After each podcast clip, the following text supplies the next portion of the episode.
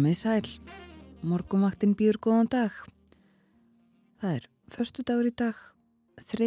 mars og klukkunum vantar 9 mínútur í sjö. Og umsjón með þættinum í dag hafa Gíja Holmgerstóttir og Þórun Elisabeth Bóadóttir. Við verðum með okkur til klukkan 9. Og lítum fyrst til veðurs, sjáum hvernig viðræði klukkan 6 í morgun. Á þryggjastega hiti í höfuborginni 2 metrar á sekundu og skíjað. Hæglætti sveður sem sé. Einstegs hiti á kvanneri og 2 metrar á sekundu. Tveggjastega hiti í stekishólmi skíjað og 1 metri á sekundu. Þryggjastega hiti á Patræksferði og fjórastega hiti í Bólungavík. Nánast lokn á báðum tjónastöðum. Tveggjastega hiti á Hólmavík og Littlu Ávík þar var allskíjað og þrýr metrar á sekundu. Tveggjastega hitti á Blöndósi og einstegs hitti við Söðanisvita. Þar voru nýju metrar á sekundu. Sýnist það að vera kvassast á landinu í morgun. Létt skíjað á Akureyri og tveggjastega hitti. Einstegs hitti á Húsavík og hittin við Frostmark á Rauvarhöfn. Hægur vindur líka þar. Hitti við frostmarka á skjaldþingstöðum og það var einstegs hiti og lítilsátt á snjókoma á eigilstöðum klukkan 6, 6 metrar á, á uh, sekundu þar. Einstegs hiti á höfni Hortnafyrði og tveggjastega hiti á Kvískerjum og hitin við frostmark og lokn á Kirkjubæjaklustri. Og hlýjast á landinu var á Stórhöfða í Vestmannegjum, 5 stega hiti þar og 2 metrar á sekundu klukkan 6 í morgun og uh, vægt frost á hálendinu. Ein, tvær og þrjár gráður. Og þá er það spurningin hvort að það verður áfram þetta hæglætis veður sem ég hef búin að fara yfir um all land. Jú, það er hæglætis veður í kortunum rólega heita veður í dag. En veðurhorfinnar eru svóljóðandi það er hæg breytileg átt og þurft að kalla. Stöku skúrir sunnan og vestan til. Hiti 2-7 stig yfir daginn en í kringum frostmarkum landið norðaustanvert Dáliti rigning eða slitta með köplum á morgun en yfirleitt þurft sunnanlands heiti 1-7 steg. Og á sunnudaginn, ef við horfum svona aðeins lengra inn í helgina, á sunnudaginn er búist við að snúist upp í norðaustanátt með jæljum um landið, norðan og austanvert og kólnar þá í veðri.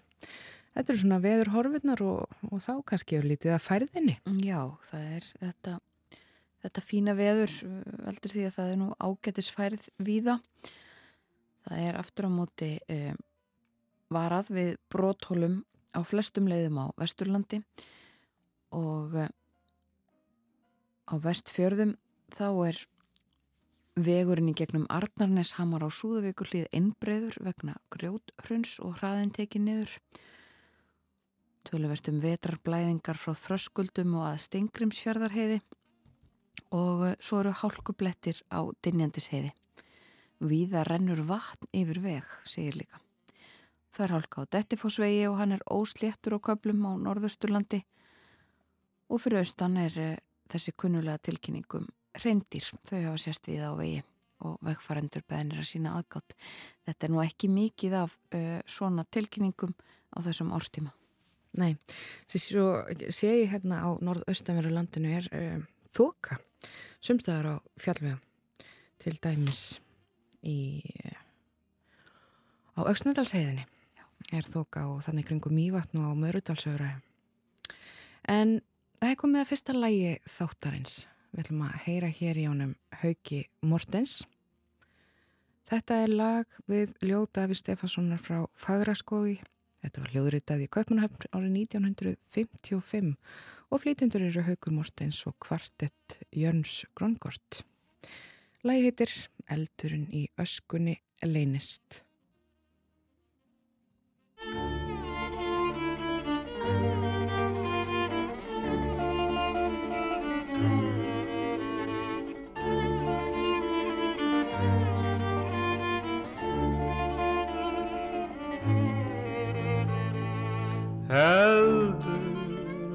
Öskunni leynist og ást í þögli sá Byggarnum lifti ég bleikur og bergið þína skál.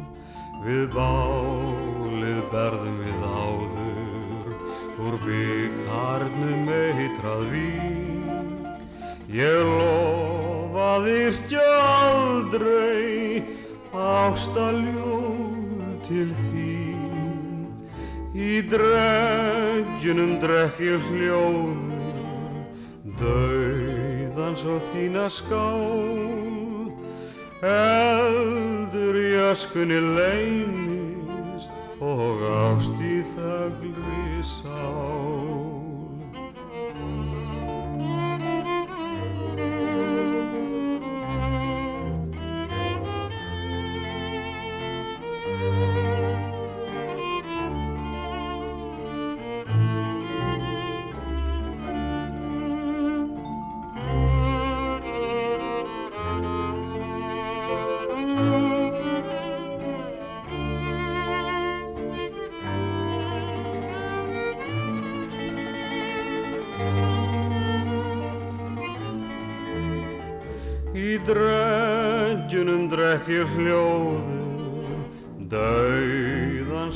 Þína skál. Eldur í öskunni leynist og ást í þagli sál.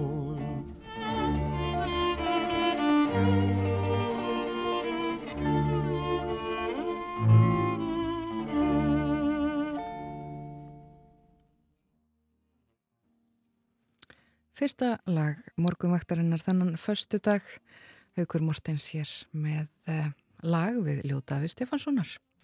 En það er nóg framundan hjá okkur ef við förum öllítið yfir það sem er á dagskrá. Við ætlum að fjalla um næringu, það er álæðið dagskamtur, svo förum við í ferðamálinn og að lokum þá ætlum við að fjalla um frímúrararegluna. Reglu sem að bæði karlar og konur taka þátti.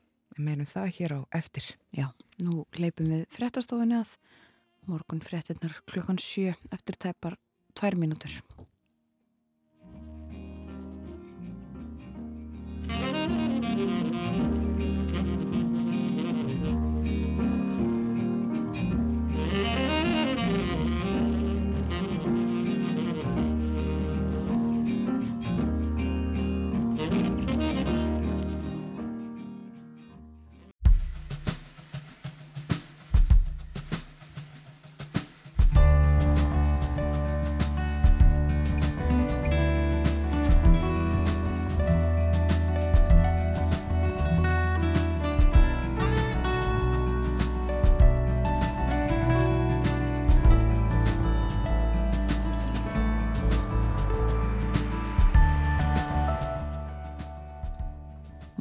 Morgumvaktin helsar og býður góðan dag. Það er förstu dagur í dag, 3. mars og umsjón með þættinum hafa Gíja Holmgjörsdóttir og Þórun Elisabeth Bóadóttir. Við byrjum... Og það er nógum að vera hjá okkur í dag, ætlaði ég að segja. Það er nógum að vera, kæru hlustundur, engar áhyggjur. Við ætlum að byrja þáttin á ráðlegum dagskamti. Anna Sigurður Ólafsdóttir, professor í næringafræði fjallar meðal annars um hvernig við veljum mat og hvers vegna það getur verið svona erfitt að fara eftir ráðleggingum. Anna Sigurður verður hjá okkur upp á klukkan hálf átta. Svo verður Kristján Sigurjónsson, rittstjóri túrista með okkur eftir morgunfrettinnar klukkan átta. Við ætlum að taka stöðuna á ímsu sem tengist ferðamálunum, uh, kjaradeilunni sem að nú hefur verið, uh, já, er enni auðvitað gangi en, en verkvöldum og verkbönnum verið frestaðum og okkur tíma. Svo ætlum að tala um uh, eftirspurn eftir Íslandsferðum í Sviss og sett hvað fleira. Kristján verður með okkur eftir morgunfrettinnar, já. Já, og svo ætlum við að fjallum ákveðin tímamót en um helgina mun alþjóðleg frímúraregla Karla og Kvenna á Íslandi halda upp á 100 ára afmæli sitt en þar er starfa saman að mannrækt til heilla mannkinni. Við kynnum starfsemi þessarar alþjóðlegu frímúrareglu hér á landi þegar Kristín Jónsdóttir, fyrirverandi stórmestari reglunar, kemur til okkar á morguvaktina hér upp á klukkan hálf nýju. Já, svo auðvitað spilum við einhverja tónlist og uh, fylgjumst með fréttum og öllu því sem að tilþarf til að hefja daginn. Og byrjum á að líta til veðurs. Það er hæglætis veður um allt land í dag og uh, þannig verður það já hæg breytileg átt þurft að kalla en stöku skúrir sunnan og vestan til á landinu. Hitinn 2 til 7 stigi við daginn en í kringum frostmark um landið norðaustanvert. Það voru svo áfram hæglætis veður á morgun, dálitil rykning eða slitta með köplum norðanlands en yfirleitt þurft siðra og fremur myllt. Á sunnudag snýst svo í norðaustanátt með jæljum um landið norðan og austanvert og kólnar í veðri og það verður kallt í byrjun næstu viku, frostið 2-9 eh, stiga á mánudag. Svo segir bara að það verði kallt í veðri á þriðjudag og köld norð-austlæg átt í kortunum á miðvíkudag og fymtudag næstu viku. Þannig að þessum hlýjenda kabla sem að verið hefur honum líkur í byrjun næstu viku. Já. Öllítið að ferð á vegum, ferðin er nú yfirleitt góð allstaðar á landinu en um, og skeitin frá vegagerðinu þau eru svona tínast hérna inn í, inn í vefkerfið hjá þeim. En á Vesturlandi er komin, uh, eru komna tilkynningar, það eru talsvert um brótólur á flestum leiðum og eru vegfærandu beðnir um að akka varlega.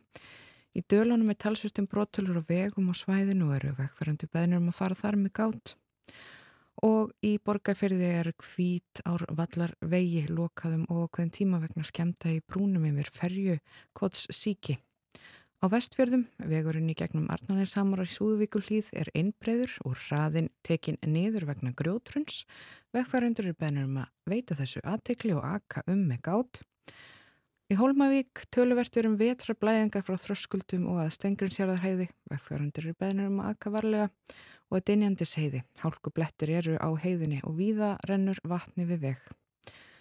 Á norðausturlandi hálka er á Dettifossvegi og hann er ósléttur á köplum. Á austurlandi hafa reyndir sérst víða við vegi, meðal annars á milli reyðafjörðar og eskifjörðar og eru vegfærandu þar beðinir um að sína aðgátt. Og þetta eru svona helstu tíðindi frá vegagerðinni en það er uh, greinilega ágættisferðum all land en, en, en Uh, það er þó þoka svolítið á norð-austurlandi og eins og til dæmis á Öksnandalseiði. Einmitt. En þá að innlendu blöðanum, við skulum kíkja á fórsíðunar. Ég er hérna með morgunblæði fyrir fram að mig. Myndin er frá útvistasvæði sem er í uppbyggingu við Rauðavatn. Hér stendur framkvæmdi við nýjan hjólastíg við Rauðavatna í Reykjavík eru fyrirhugaðar á samt frekar í uppbyggingu á fjölskylduvænum útivistarsvæðum nærri vatninu. Hjólastígurinn með liggja með fram göngustígnum og verður aðgengi af vatninu gert auðveldar en áður. Þánga sækja borgarbúar í útivist allan ársins ring stendur hér. Einni hefur verið komið fyrir leiktækjum og öðrum búnaði úr timbri á svæðinu eins og stólum og borðum. Já, Þetta er nú alltaf gleðilegt þegar að svona framkvendir eru og nú er vorið framöndan og þá er nú gott að geta gripið í svona leiktæki og alls konar tæki þegar vorar. En hér á forsýðu morgunblæsins er einnig fjallað um já, þennan samgangu sáttmála, það er tekist á um hann. Það er hérna koma fram viðbröð Viljáms Árnarssonar, þingmanns sjálfstæðisflokksins og formann í umhverfis og samgöngu nefnd. Það er verið að fara svona yfir eh, frávik í kostnaði, til dæmis stokkin sem að eh, gæti farið aðeins yfir svona það sem áallar var. En á fórsíðinni þá er líka fjallað um þessi, já, hvernig brefum eh, og postþjónustu verður háttað mögulega í framtíðinni. Íslandspostu stefnir að því að dreifing almenna brefaði gegn postbox, postbox geti hafist nú á vormánu. Þetta er tilröna verkefni sem við verðum að vinna að um að afhenda almennan bref, almenn bref í sjálfverk postbox í stað þess að bera bref út í hvert hús og verða brefin þá afhend með sambarlegum hætti og gert er með dreifing á pökkum í dag. Mm. Undibúningur af þessu er í fullum gangi og það verður aðtilsvært að sjá hvernig svona breytingar fyrir fara í fólk. Já, þetta er nú yfirleitt uh, töluvert umdilt svona breytingar á uh, posttjónustunni þar hafa reynst umdeldar. Já, svo sannlega og þetta er eitthvað svona uh, þetta er uh, æga svona gömul vennja í rauninni að fá postin bara einum lúna. Já. En það er annað upp á teiningum hér á fórsögu fréttablasins, þar er mynd uh, sem tekin var í smáralindinni. Það er hún Þóriðis Björgunstóttir sem stendur hér með þrývita brentaðar píkur en Nathan Olsen og dömubunda framlegandin Libres stóðu fyrir viðbyrði í, í, í smáralindinni í gær þar sem þessar eh, þrývitabrentuðu píkur voru til sínis og þar var veitt fræðsla um píkur almennt og þetta er viðbyrður sem fór fram í tengslum við átækið Livi píkan. Já. Það er þetta gott að veita þessu aðtökli sem og svo mörgu öðru. En e, stóra fréttin á forsiðu fréttablasens er að stór hópur er í rakningu hér á landi eftir ný bergla tilvik. Hér kemur fram að berglar ger aftur vart við sig á Íslandi sjúkdómurinn er enn víða kræfur á svæðum í östumveri Evrópu en fjögur bergla tilvik hafa greinst hér á landi það sem er af ári. Af því er fréttablaði hefur fengið staðfest frá sóttvarnar yfirvöldum. Eitt berglasjókungur hefur verið lagður inn á landsbítala og fleiri hafa farið í rakningu vegna þess tilviks og svo er svona aðeins fjallað um berglana. Berglarnir voru kallaði kvíta pestin á Íslandi á síðustu öld en laungum framanaf henni voru berglar, berglar íll viðræðanleir og létust þúsundur á áratugunum eftir 1900. Og við þekkjum þetta alls til dæmis berglahælana hér á landi. Lítum út í heim og eftir en áður en við gerum það þá ætla ég að nefna það að uh, dag er 3. mars 3.3. og uh, það var á þessum degi fyrir 20 árum síðan 3.3.03 2003 sem að uh, þá fór morgunvaktin af stað nýr fréttaþáttur í útvarpi hann var þá á samtengdum rásum rásar 1 og rásar 2 þetta heiti auðvitað oft verið notað eh, líkt og í þessum þætti hér en það sem sagt eh, varð fyrir 20 árum síðan að þá eh, fór þessi þáttur í loftið eh, ég er hér með frett fyrir fram að mig úr morgumblæðinu nýr frettaþáttur í útvarpi og það var Óðin Jónsson sem var rittstjóri þessa þáttar. Þátturinn var milli halv 8 og halv 9 og mótnana og rammaðist inn af fretta yfirlitum og uh, svo voru frettinnar í miðjunni eins og þær eru enn í dag og fretta yfirlitin á, á mótnana en uh, þetta var sérsagt stór og sammeili rittstjórn begja rása ríkisútásins og fjallaðum ímislegt allt sem að efstur á baui innan lands og á alþjóða vettvangi auk þess að menning og listum voru gerð skil og frettur úr viðskiptalífinu líka. Svo ég gripa aftur niður í þessa frétti morgumblæðinu og þessi dagur fyrir 20 árum var bolludagur.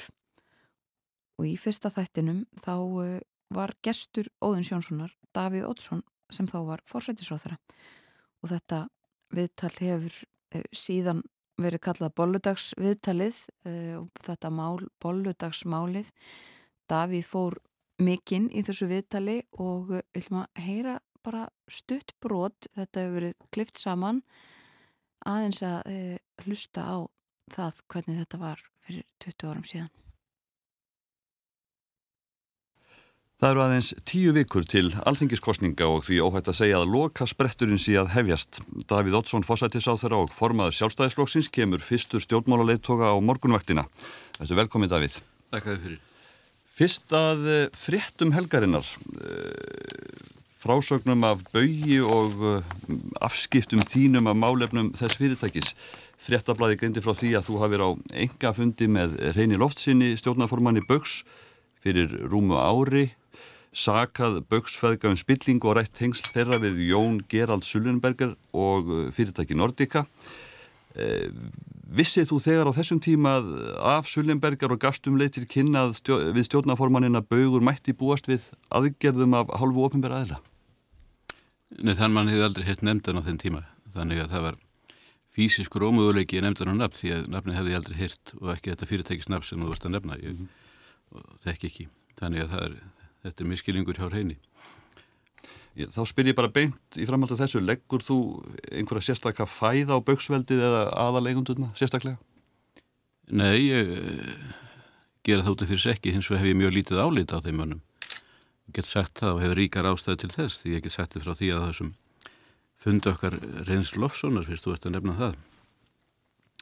að þá uh, sagði hann mér frá því að, að Jón Áskir í baui hefði sagt við sig að það þurfti að bjóða mér 300 miljónir króna uh, gegn því ég leti af ímyndaðir anstöðu við bauksfyrirtækið. Ég let nú hrein segja mér þetta tvísvar uh, og hann sagði mér þetta tvísvar að, að hann hefði nefnt við sig, Jón Fórstjóri, að það þurfti að bjóða mér 300 miljónir króna og ég var nú svo þrjumur lostin og hrein sjálfsagt sá það nú og, og sagðist að það var sagt við Fórstjóran Já, þú þekkir ekki fórsetsáþrann. Það þýðir ekkert að bera á hann fyrir og uh, þá hafði Jón þessi að sögn eh, Reyns Lofssonar sagt það er engin maður sem stendst það að fá 300 miljónir sem hvergi koma fram, hvergi greitar skattur af og lagða bara inn á reikning hvar sem hann vill í heiminum.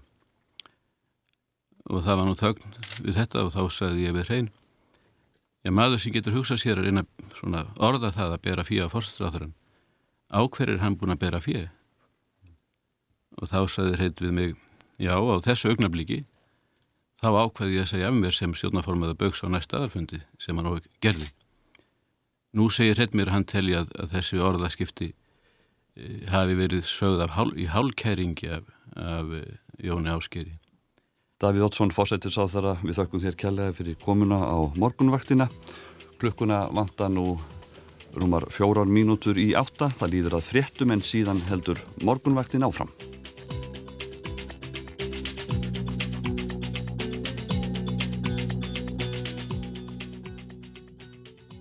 Þetta var lítið brot úr fyrsta þætti eh, morgunvaktarinnar sem að þá hafði, hafi gungu sína fyrir 20 árum síðan á bolludag 3. mars ára 2003 og Davíð Ótsson sem þá var fósittis á þeirra var gestur Óðins Jónssonar rittstjóra þáttarins og eh, eins og framkom þarna í byrjun þá hafiði átt að ræða um kostningabaróttuna og svolítið aðtiklisvert svona eins og kostningar hafa þróast undanfarin ár að þarna eh, tíu vikum fyrir kostningar var talað um að lokaspretturinn var í hafinn. En eh, svo fór það þannig að þeir rettu ekki um eh, kostningarnar framöndan í, í þessu viðtali heldur einmitt eh, Bögs feðga og þessi frægu ummæli Davís koma þarna fram þar sem að hann segir að, að, að honum hafi verið eða reynd hafi verið að bera á hann fjö með 300 miljónir króna. Þetta var þetta uh, hellirinnar mál. Það var uh, mikið fjallað um þetta í fjölmjölum og bæði Reillófsson og Jón Ásker Jóhannesson held ég hafi nú komið fram í fjölmjölum og einmitt að ítrekkað þetta sem að kom þarna fram að, þetta hefði nú ekki verið sagt nefnum í hálkjæringi það hef ekki verið einn meininga bak við það en, en svo uh, voru svona ásakanir á vikslu og, og, og ég held nú að uh, Jón Áskir hafi sagt ætla að kæra Davíð fyrir meðirði en held nú ekki hafi orðið úr því. En þetta var sem sagt fyrir 20 árum síðan og, og svona upprifin fyrir hlustendur þetta mál allt saman og þessar uh, deilur og, og svona skeitasendingar þetta var auðvitað í, í mörg ár og þarna í þessu viðtali þá fór Davíð líka hörðum orðum um fjölmiðla, fjölmiðlana sem að e, sem að fjölluðu um þetta frettablaðið ekki síst. Og e, allt saman svona, þetta er svona lítill ángi af þessu e, risastóra bauksmáli sem var hér e, svo ábyrjandi um margra ára skeið. Já. en þetta var sérstaklega þetta bolludags viðtal fyrir 20 árum síðan Já, þegar morgunvaktin hóf svona, eða var endur vakin? Já, uh, í eitt, eitt skipti. eitt skipti þenn. Og ef svona velmátti hlusta þarna, uh, heyrðust smellir held ég í, í myndavélum Já, bakvið. ég held að það sé rétt með farið og, og svona svolítið skemmtilega líka þarna. Mm. Og heyrðust ekki öll en svona umhverjusljóðin og það er þetta mitt sko skrjáfið í blöðunum og, og e, bollarnir að rekast saman og svona morgun Morgun stemming í lofti. Já. En uh, þetta var já frá því fyrir 20 árum síðan rétt aðeins að deinum í dag og til útlanda. Það uh, hafa núna 57 fundist uh, látin eftir þetta skelvilega lestarslýs í Gríklandi og það er vaksandi reyði í Greiklandi sagt frá því erlendu fjölmjölum vegna þessa máls. Það hefur verið viðkjönd að ég bæði starfsmöður hefur viðkjönd að bera ábyrð á mistökum en sömuleiðis að þá uh, hefur verið fjallatölvört um það bara að lesta kerfið í, í Greiklandi uh, sé ekki nægilega gott, uh, því hafa ekki verið við haldið og um, þar hafi meðal annars spilað inn í kreppan í Greiklandi eftir fjármála hrunið. En það voru mótmæli og þeim búistu því að þeim verði framhaldið uh, vegna þessa máls og uh, lestar starfsmenn í verkvalli. Og svo þessi frett sem við heyrðum hér áðan og, og kannski getum spurt önnu sériði Ólafsdóttur, professor í næringafræði aðeins um og eftir, uh, það er þessi spáum að yfir helmingur mannkins verði með skilgreininguna of þunga eða of feitt eftir tíu árumlega ef ekki er ekkert er aðgert sérstaklega uh, mikil aukning meðal barna í ofötu. En við fylgjumst áfram með frettunum uh, og segjum frá því sem við eigandi er en ef við ekki að heyra eitt lag og hverjum þá aftur 20 ára aftur í tíman. Jú, það er lag sem var mikið spilað þarna árið 2003 árið sem að bóludagsviðtali fræga var uh, í útarfinu. Skulum hlusta hérna á hana Noru Jones með lægið Don't Know Why.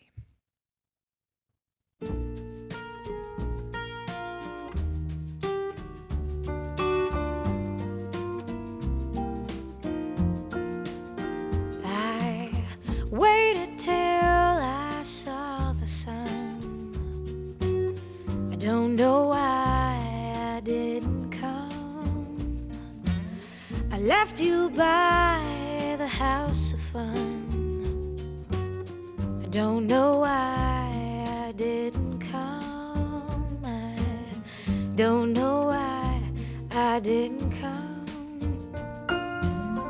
when I saw the break of day. I wish that I could fly away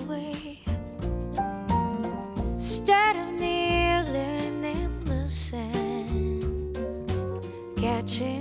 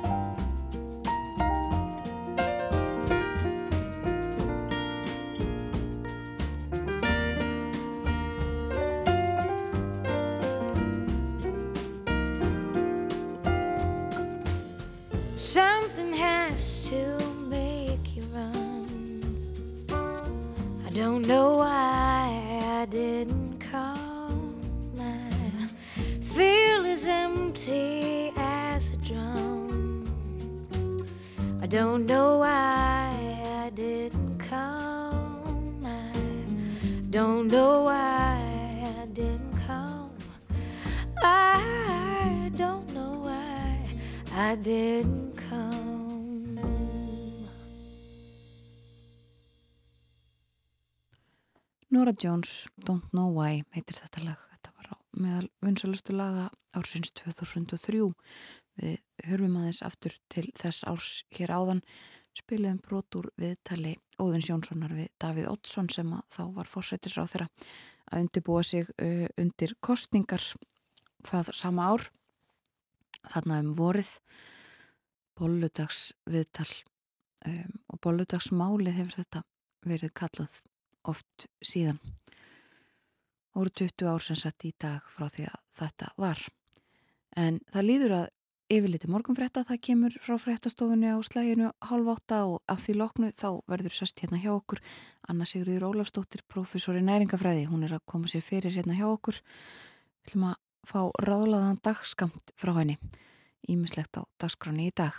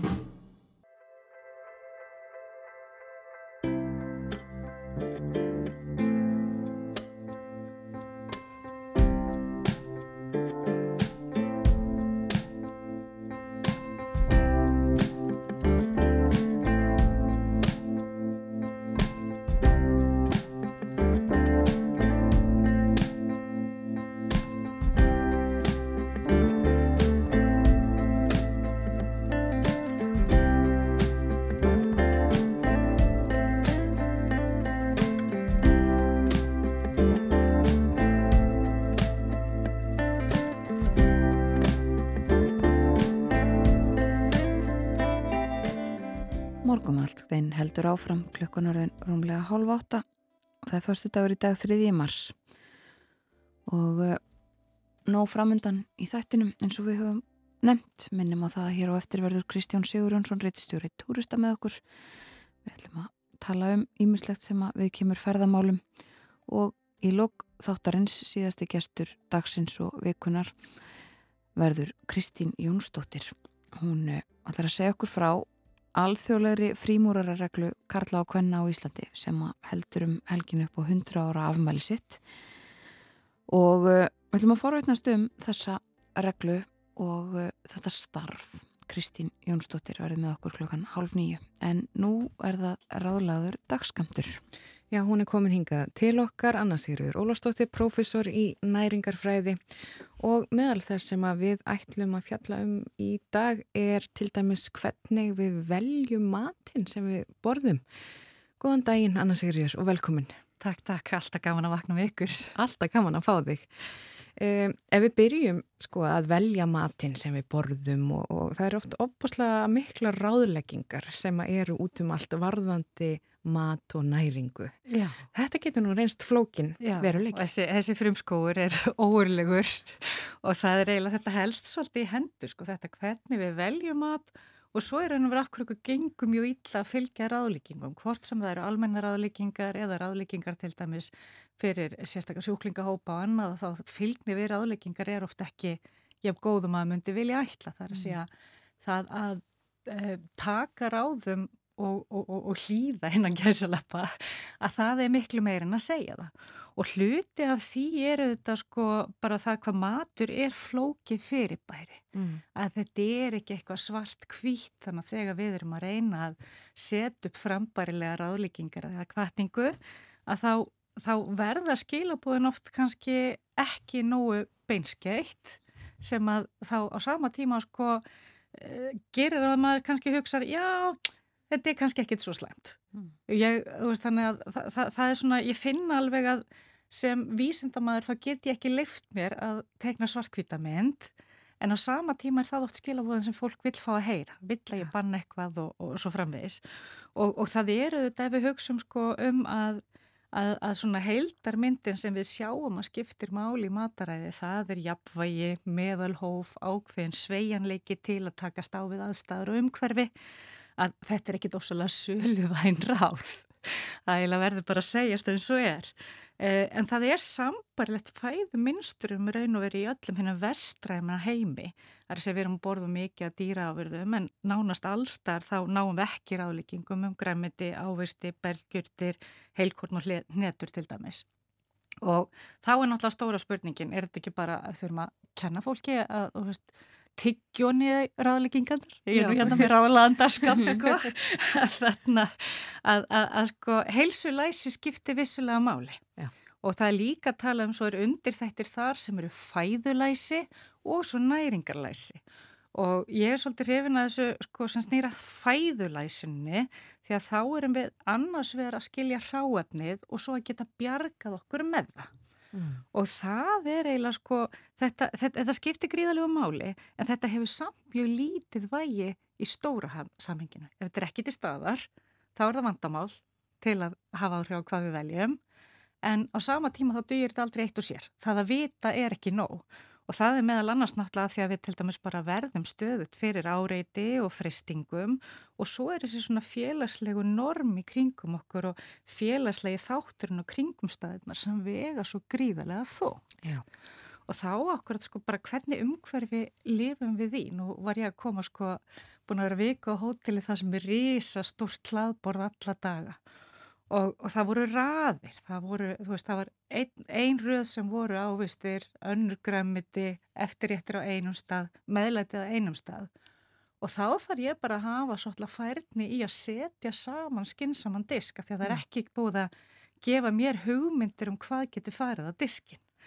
Og hérna, það var mjög áhugavert að sjá þar og okkur þegar við hugsaum um svona eins og frambóð og eftirspurn og vinsældir og þetta við viljum vera hluti af einhverjum hóp. Það að að, að, að samsama sig einhverjum er mjög stór þáttur í hvernig við veljum að borða að, að þá sko langa röðin, ég fór mm. einhvern tíman í langu röðina því ég var rosalega forviting hvað allir væru að standi röð fyrir, það voru þá franskar kartablur. Já, og þetta var morgunverðar hlaðbúr? Nei, þetta var nákvæmlega hlaðbúr okay. sem betur fyrir, en þetta voru svo vöflir að pönnugugur á mótnana, þannig að, að sko þarna þá mynda sko annars vegar, já ok, þarna er röð, þarna þarf ég að vera, það var aldrei röð við græmdisborðið, því miður, en svo sá maður líka sko kristillinina í eh, hópunum og hvernig sko fólk situr saman og er að borða einsmat mm -hmm. og nú er talað um það sko það er hérna mjög, mjög spennandi rannsóknir í dag sem horfa mikið á þetta sko gildi þess að borða saman. Við veitum til dæmis að fjölskyldu máltíðir skilta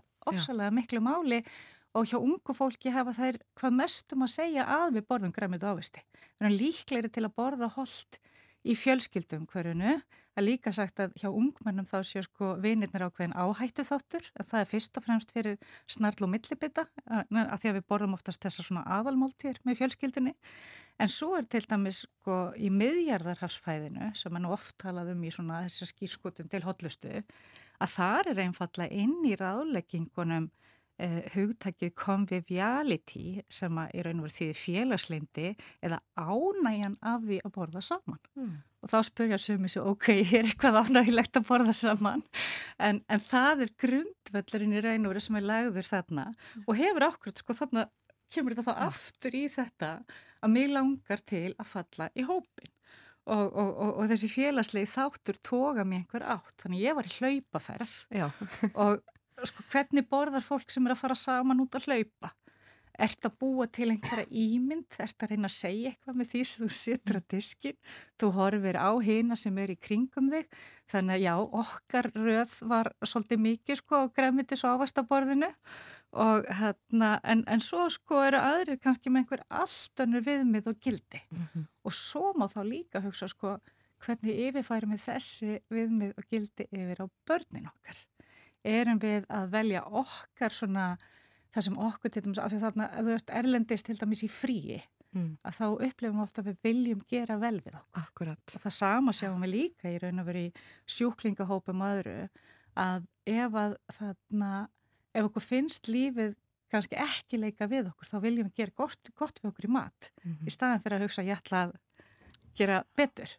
Þannig að þetta er, þetta, þetta er svona svolítið tókstrita sem myndast og þá erum við eftir komin í þetta sko hvaða matur, þetta frönsku kartefluna sko hvar liggur vandin, hvert sækjum við í okkar svona tröstispís ef maður segir nota góða, góða íslensku að þannig að, þarna, að, að þessi sko þegar við viljum að, að gera vel við okkur þá er náttúrulega umbuna kerfin hjá okkur þannig að við sækjum í auðveldla í þessa mikið unnu matveru Já. sem í dag er talað um í raun og veru er mest í áhættu þátturum fyrir okkur. Við talað lengum sigurinn og saltið og svo framvegis en þetta er heildar myndin þannig að við erum bæði mikið sætt og salt og fytu og kolvetni einföld mm. og svo kannski litarefni og aukefni og allt saman. Og það verður sko ofur auðvelt að borða yfir sig af því að þetta er það að tala um hyperpalatability. Það vantar svolítið íslensku orðamart af þessu. Það myndi vera eitthvað sér svona ofur gómsætt eða ofur auðvelt að borða. Mm -hmm. og, þarna, og þetta er raun og verið ræðst bara hérna byrja á umbunarkerfi eh, þarna heilans en það verður gríðarlega löngun og það er hægt að búa til eða smíða fyrir okkur matvæli sem að framkalla svona uh, mikla örfin og gleði. Já. og þá getur þau miklu síður stoppa þannig að þú borðar hraðar settu stjórnunin, hún trublast og það sem gerist þegar þú borðar hraðar náttúrulega er annars vegar þá ertu kannski sko að borða hérna gleymir að tyggja en svo er þessi matur líka almennt þannig að hann þarf ekki að tyggja Já. Þannig að þannig erum við komin líka í einhverja sko tóksturitu með að bara að, að, að, að líffræðilega verður of auðvelt að takast á við hennan mat því að meldingin byrjar í raun og verið í munni og þú ert að missa þarna af bara ákveðinu tækifæri líka til að upplifa hráöfnið, það að vera með matinn í munnunum og finna bræði leikum gómina því að upplifunum að við borða, hún er í munnunum en ekki neyri mhm, maga. Mm -hmm. Þannig að, að, að þetta er svolítið sko flókið og það var til dæmis nýlega rannsókn í bandaríkjunum sem síndi að ef það var hlaðborð með annars vega bara svona heimagerðum venjulegum mat og svo sömu samsetningu það er að segja hlaðborð sem bauð upp á samskonar magna, fytu, sigri, salt og trefjum að þá ef að það var þessi mikið unni matur þá borðaði fólk að jafnaði 500 hitaeiningum meira á hlaðborðinu sem var með mikið unni vörunum sem sýnir bara að þú ert ekki að stoppa á sama tíma því að þú ert ekki einhvern veginn að upplifa matin á sama hátt. Og þetta er auðvitað líka þá að við horfum á, á börnin að, að það er talað um í bandaríkjunum sko þá séum 60% orkunar sem að er verið að ymbirða úr þessu mikið unni vörum 60% meir en helmingurinn af allri orku sem við erum að fá inn. Og hjá börnum að þó að minni hlutin og þá erum við að tala um sko þetta var ansókn á börnum á aldrinum held ég 8-15 mánuða og þá sko þó að minnst af matnum sem sérstaklega veri ætlaði börnum á þessum aldri væri þetta flokkast sem mjög mikið unnum vara að þá var samt um leiðuði voru einsást þá var helmingurinn og orkunni sem við ymbirði á dag úr þessu mikið unnu vörum að því að fóraldrinnar eru okkur þetta mm -hmm. að ég heiti svo gott og Já. leifa þeim að fá líka og þetta okkur sámar eins og á hlaðborðin úti sko. Það eru franskar á diskum hjá litlum börnum sem er ekki farin að velja sjálf eða vöflur í morgumat og þarna, þetta er svona þetta er svo mikið þú veist þetta við erum einhvern veginn búum til einhverjar vennjur og stimplum inn jápöl sko hjá mjög litlum börnum og þau eru miklu miklu viðkvæmar en við fyrir þessum umbunar áhrifum á heilan Mm -hmm. Þannig bara byrjum að slökka á settustjórnuninni og þau eru raun og verið að fá eh, þarna, það sem við erum að vinna til dæmis með í bræðleika þjálfum þar sem við erum alltaf að reyna sagt, endur tekna örfin með hotlusta þegar við erum að reyna að kenna börnum borða græmiti, ávisti og kortmiti og, og, og fræ og netur og svona að þá þarna, þarna er það gert að nákvæmlega hináttina. Þú veist með endur tekna örfun á einhverju mhm. sem barni þarf alls ekki að halda og það festist í vana og það er mjög erfitt að þeir raun og verið svo graf undan þessu. Já. og bara við vorum að tala um þetta hópurinn, hlaupahópurinn úti sko, hvað er okkur þetta sem að sko okkur finnst rosalega gott að borða í streitu eða þegar og það er svo fundið oft, það er okkur liður rosalega vel og það er okkur liður rosalega illa þá sækjum við í eitthvað svona öryggi í mat. Mm -hmm. og ef þið hugsið út í það, er það kannski matur sem að þið eigi tengingu við úr æsku? Eitthvað sem þið voru alltaf látin fá til að hugga ykkur? Eða það átt að vera gleði, veist, hvað gefur amma Einmitt. og svo framvegs. Þannig að þegar við veljum alltaf sko sætuna og, og, mm -hmm. og mhm. þessa mikilnu vöru sem umbun, þá verða þær alltaf einhvern veginn ofar í verðmæta mati okkar og það er okkur það sem er svolítið áhugavert og þannig að við horfum bara aftur tilbaka nú alveg bara þusa ég, ég, mér er mjög svo heitt í hamsi yfir þessu en þannig að þá sko þannig að þá er nefnilega svo áhugavert þetta til þess að við fylgjum ráðleggingum þá verðist eitt af því sem stendur þar upp úr að það er stuðningur og valdefling. Já. Þetta er náttúrulega ofsalega skemmtilt orð, valdefling. Þetta bara Mhm. sýnir einhvern veginn kraftin í því að geta, að trúa á eigin getu og sjálfsöryggi.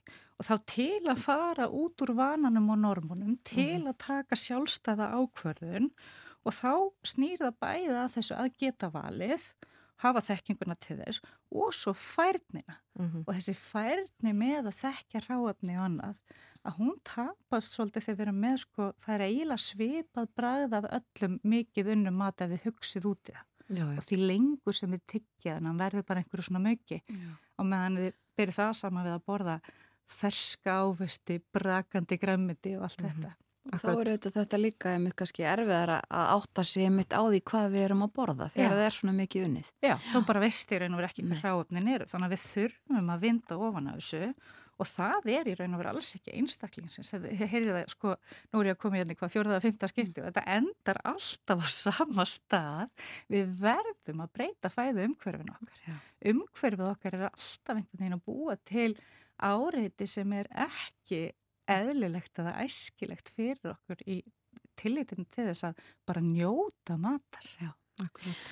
Og ráðleggingarnar svona sem að maður heyrir einmitt um bara þetta að hafa matinn sem næst sko upprunalegu Já. formi að þær, þær eru bara góður og gildar Þær eru ótrúlega góðar og gildar og, og, og sko bara ef við hugsaum um einfalt dæmi eins og brauð, brauð er ekki bara brauð, það er mis uh, mikið að trefjum í því, það er líka sko mismjúkt og mismikið sem þarf að tyggja, ég hef nú búin að tala um að við ætlum eitthvað að nefna það að tyggja og það er Jú. okkur þetta, þess að mikið unnu vöru þarf oft ekki að tyggja og þessi brauð sem geymast heila eilíð og minna Já, meira á svamp, þetta er allt önnur vara heldur en eh, brauð sem fær lengri tími að hefast, er með góðri skorpu, er fyllt af korni sem þarf að tyggja. Mm. og ef við horfum náttúrulega á þróunin og vöru þróunin, ég man ekki hvað var talað um að það séu sko margar nýjar vörur sem koma að marka á hverju ára og þær eru þetta allar þessar mikið unnu vörur fyrst og fremst að því við getum ekki sko fjölgað kannski rosalega mikið tegundum hráefna að fjölgar ekki mjög ávistum og grámitist tegundum að ég veit ekki hvaða veldi, veldi allavega með að við þetta að, að þá eru sko vörur eins og skvísur fyrir litlubönnin, mm Mhm. bústin, allir drikkinir að, að, að, og allt þetta hefur líka það annars vegar sko að þarna þú ert ekki með matin í að blengja munnunum, þú bara skólar hann svolítið niður, þú ert með stút á munni í staðan fyrir að Þarna að, að þurfa til dæmis það er bara að tala um að með skvísutnar getur við skynsalegt að setja sko frekar þá í skeið þurfa að hafa skeiðin í munnunum finna matinn þannig áður en hann fyrir niður og það að, að þurfa að kingja Já. að þetta eru allt hlutir sem skipta svo miklu máli og svo til viðbútar við þetta þá er þetta að, að, að það er yfirleitt alltaf sætur undirtótt Mm -hmm. og það er þetta annars vegar mjög sætir og mjög saltir og svo blandan að því við fyrt og kolvetni sem er svona þá, þá bara er miklu erfiðara að, að, að skinja í raun og verið sína eigin setu stjórn. Já, já. Og svo þú talar um svona fæðu umhverfið, hvernig svona matur eh, er framsettur og ímislegt en svona eins og til dæmis skvísutnar og þessi einfaldi matur, það eru þetta líka hraðin í samfélaginu sem Já. að ítir undir að við svona grípum í þessa ein, auðveldu kosti. Já, og sko rannsóknir sína við e- verjum stöðugt minni tíma í allt sem heitir undirbúningur að því að nærast.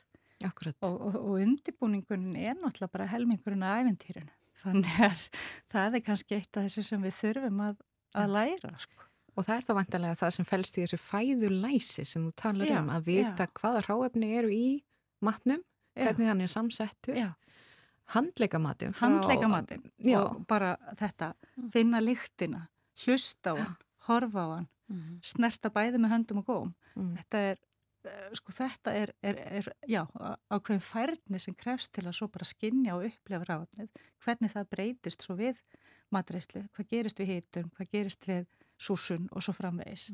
Þannig að, að, að það eru svo mörg æfintýri sem er hægt að upplifa með, með því að fara aðeins tilbaka í einfalleikan, þá er raun og veru upplifa bræðleikarnir okkar miklu, miklu meira. Því að líka þetta eins og þessum, sko, meiri sé að eins og ef við horfum á, á ávexti og annað, þá er búið ofta að breyta þessu það mikið að það er allt í dag miklu sætara heldur en það var eh, áður. Þar sem það er búið meiri sér nýka til þessum náttúrulegu vörum þar sem það er þá aðeins minna af ýmsum e, plöntuhóllefnum, výmbirinn eru orðin steinlaus og svo framvegis þannig að við erum alltaf stöðut auðveldar að borða líka í raun og veru náttúrulega röfurðir og, og sumt að því gott en annað að því kannski sko okkur þetta leiður okkur alltaf í það að við erum til dæmis að upplefa sífælt minni beisku og, og þú vilt fá allan skalan, sætt, mm -hmm. súrt, salt, beist og mami Uh, og það er, það er hluti af ævintýrinu til dæmis oft þegar maður fyrir og færi vel samsettan mat þegar maður fyrir út að borða eða annað mm. að þá er það að upplefa þetta ævintýri en við getum svo vel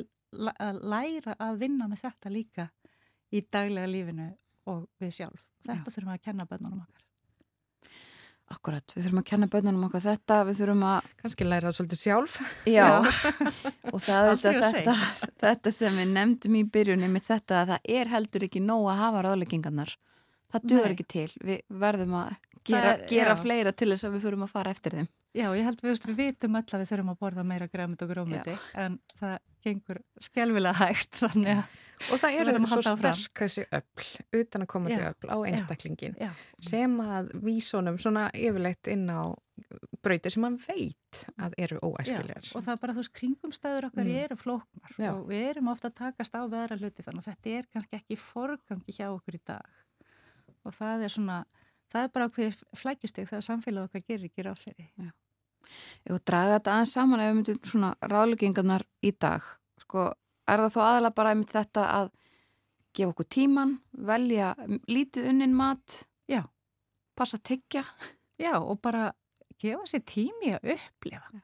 skoða ráðöfni. Mér er sér búðaferðin þarf að taka mm -hmm. tíma annars slægið. Að það er bara hluta af því að, að, að vita hvað er í bóði. Já, nú er ég litla dóttur sem að finnst brokkoli og sveppir alveg hræðilegir, hræðileg mat og ég hérna fóra aðeins eftir þínum ráðleggingum í daginn og, og Ég svona leiði henni að handleika sveppina og, og skera þá í matin og svona var eitthvað að leiði henni að lykta vel af þeim og svona og, og, og ég er ekki frá því að hún hafi svona tengst sveppnum betur. Ekki það að hún hafi endilega borðað en, en, en, en það var svona eitthvað eitthva En nú þarf þetta að gera þetta, ég veit að vel 15 skipti. Ég held að það er 15 ári. 15 skipti. Ekki einu sem ári, þetta er aðeins óttar. Já, þetta er, og þetta er bara, þetta er þetta, er þetta sko síöndur tekna örfunin mm -hmm. sem að skiptimáli og það er eitthvað nákvæmlega það sem gerist í markaðsetningu. Að það er alltaf verið að íta á okkur og, og þegar við erum búin að sjá sömu myndina nógu oft og kvartninguna nógu oft og öllu formi að þá, þá, þá, þá verður það einhvern veginn það sem við grípum í. Já. Það þarf að minna okkur á vörðuna sem eru minna sínilegar svona í, í, í öllu flæði markaðarins. Akkurat. Segjum þetta gott í dag, kæra þakkir fyrir ráðlaðan dagskam þessa vikuna. Anna Sýriður Ólastóttir, professor.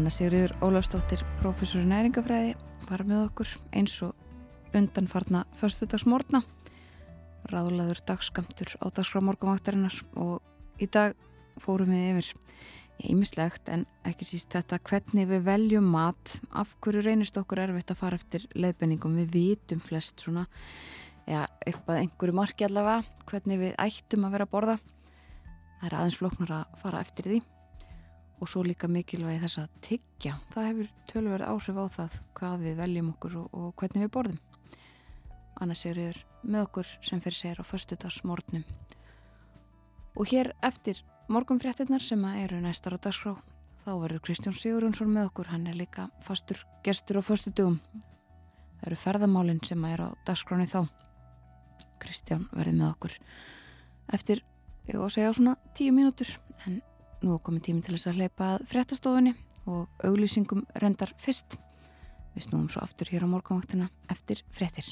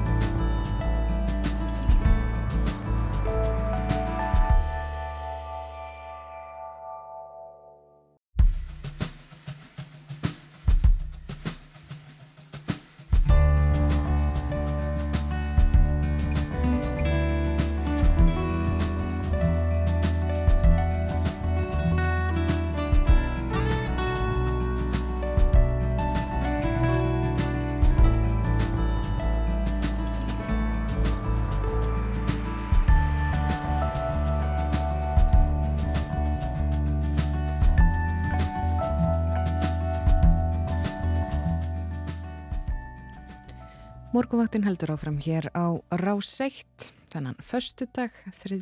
mars. Og hún er ný haldin út í daginn, Anna Sigriður Ólafsdóttir, professor í næringarfræði, sem er hér vanalega á förstu dögum og flytur okkur ráðleggingar. Við kallum þetta ráðlaðan dagskamt. Já. Anna Sigriður var meðal annars að uh, hún sagði okkur frá ferðalagi sínu. Hún var á uh, Tenerife. Tenerife í hlaupaferð og, Mm. var að tala um einmitt hlaðborðin á hótelinu og það hvað hún, uh, hverju hún tók eftir þar, hvað það er sem að fólk velur sér að borða og svona áhrifin uh, sem að frambúðið og framsetningin og allt þetta hefur á okkur. Það er, uh, það er svo margt í þessu hva, hvernig við veljum matin okkar. Já. Það eru áreiti allstaða frá og erfitt ofta að fylgja þessum blessuður ráðleggingum. Akkurat. En svo í lok þáttar þá ætlum við að fjallum alþjóðlega frímurarreglu hér á Íslandi þar sem bæði karlar og konur taka þátt. Kristi Jónsdóttir, fyrirvændi stórmestari og íslensku kennari sem kemur yngar til okkur eftir og, og, og segir okkur nánar frá þessari, þessari reglu. Já, en nú eru það ferðamálin. Ég myndist á Tenerife og þar var uh, Anna Sigurður Ólafsdóttir á ferðalagi. Kristján Sigurjónsson, rittstjóri túrista, hann er komin á línuna og uh, góðan dag Kristján. Góðan dag. Þú ert líka á ferðalagi, er það ekki? Jú, mikið rétt. Ég er í henni árlegu skíðaferð fjölskyldunar því það er nú þannig að í Stokkólmi loka allir skólar í viku nýju og það er mitt vikan sem við erum í núna og, og við erum í Vemdalen sem er nokkuð stórt skíðasvæði svona 500 kilometrum norðvestur af Stokkólmi og við höfum nú oft verið hefnari með veður í þessum ferðum okkar því hér er eiginlega merkilega kvast, maður eru alltaf upplifað svona áður hér í, í Svíþjóð, það er um 15 vinsti í dag og, og, og fyrir okkur sem búum um þetta í Stokkólmi þá eru þetta mikil viðbrið því það er nú eiginlega oftast blankar lokk þar finnst mér en, en, en þetta er allavega staðan hérna og, hiti svona rétt um frostmark, það nægur snjóra en það er erfitt að halda liftónum gangandi þegar, að- þegar að blæs svona hressilega eins og hefur gert já, síðustu sólaringa. Akkurat. Og allir bara heima þá? Engin að skýða eða hvað? Þetta? Já, stefnir í það, en maður prófa að fara í, á gönguskíðin inn, inn í skó því það er þá eitthvað skjól af trjónum. Já, akkurat. Já, svona er þetta stundum, maður auðvitað getur ekki ráðið veðrinu en uh, það getur verið svekkjandi. En við ætlum nú ekki að ræða, uh, þetta er svona ekki aðalefnið sem við ætlum að ræða í dag. Við þurfum að tala aðeins um eins og við höfum gert undanfarið, uh, við þurfum að tala um stöðumála í, í kjaradeilum og áhrifin á ferðarþjónustuna. Já, það núna er þessi miðluna til að hefur hún verið lögð fram og verkvælsaðgjörnum frestað og svona hægt að halda þá úti eðlilegri starfsemi á þessum hótelum sem já, mörg þurftu að loka vegna stöðunar í þessari hörðu kjaradeilu og af svona máli fósfarsfólks þessara hótela að dæma þá er tjónið skiljanlega mikið, það er náttúrulega þurft að loka stórum hótelum og, og vísa frá fjölda gesta En uh, það verðast nú samt flestir sammála um að svona orðspor Ísland sem áfokastæðar hafi nú ekki skadast vegna málsins. Það er að segja ef, ef uh, þessi miðluna til að verði þá samtíkt núna og verkvöldin heyra sjónin til að, að, og allt fær að ganga meðleilum hætti á ný. Uh, þetta kom meðal hans fram í viðtali túrista við nýjan ferðarmálastjóri í vikunni. Það sagðan að tekjutapið væri augljóslega töluvert en, en, en en staða Ísland sem áfókastæðar ætti ekki að hafa skadast til lengri tíma og, og, og í þessu samingi með, við hafa í huga að verkvöldi eru náttúrulega tíð í Fraklandi en, það er samt langvinnselasta ferðamannarland í heimi þannig að ekki hafa þessar kjara deilur þar í landi mikið láruf. Nei, já nýr ferðamálastjóri Arnar Mór Ólafsson uh, tók til starfa í þessari viku og þið töluðu við hann. Já, mikið rétt. Ítalegt viðtalið hann um, um, um svona þau verkefni sem framöndan eru í ferðarþjónustunni og, og líka ég bara svona stöðu þessarar greinar í, í efnæðslífinu. Það er náttúrulega svona oft verið svona gaggrínt hversu mikilvæg og stór þessi atvinnugrein er orðin fyrir landið og, svona sitt sínist hverjum um, um, um, um vöxtin og, og hvert skal stefna í, í, í þessu. Mm -hmm, um Já og hann sagði þarna beint tekjutap væri orðið svona 1-2 miljardar króna en svo uh, sér náttúrulega alls konar, alls konar annað sem að spili þarna inni. En við ætlum að tala líka um, uh, Kristján, við tölum við þetta reglulega um uh, svona það, vendingar sem verða í, í frambóði á, á flugi og, og auðvitað öðru en, en svona flugi og ferðum til og frá Íslandi og það eru auðvitað, við höfum fjallað um þessa nýbreytni eða það, þessi flug sem að núna verðast hafa allavega, hafa verið í einhver tíma milli Evrópu og, og, og Akureyrar til dæmis e, og nú er að bæta stýr það ekki e, þau flugfjölög sem að ætla að fljúa annað heldur en til Keflavíkur? Jú, mikið rétt.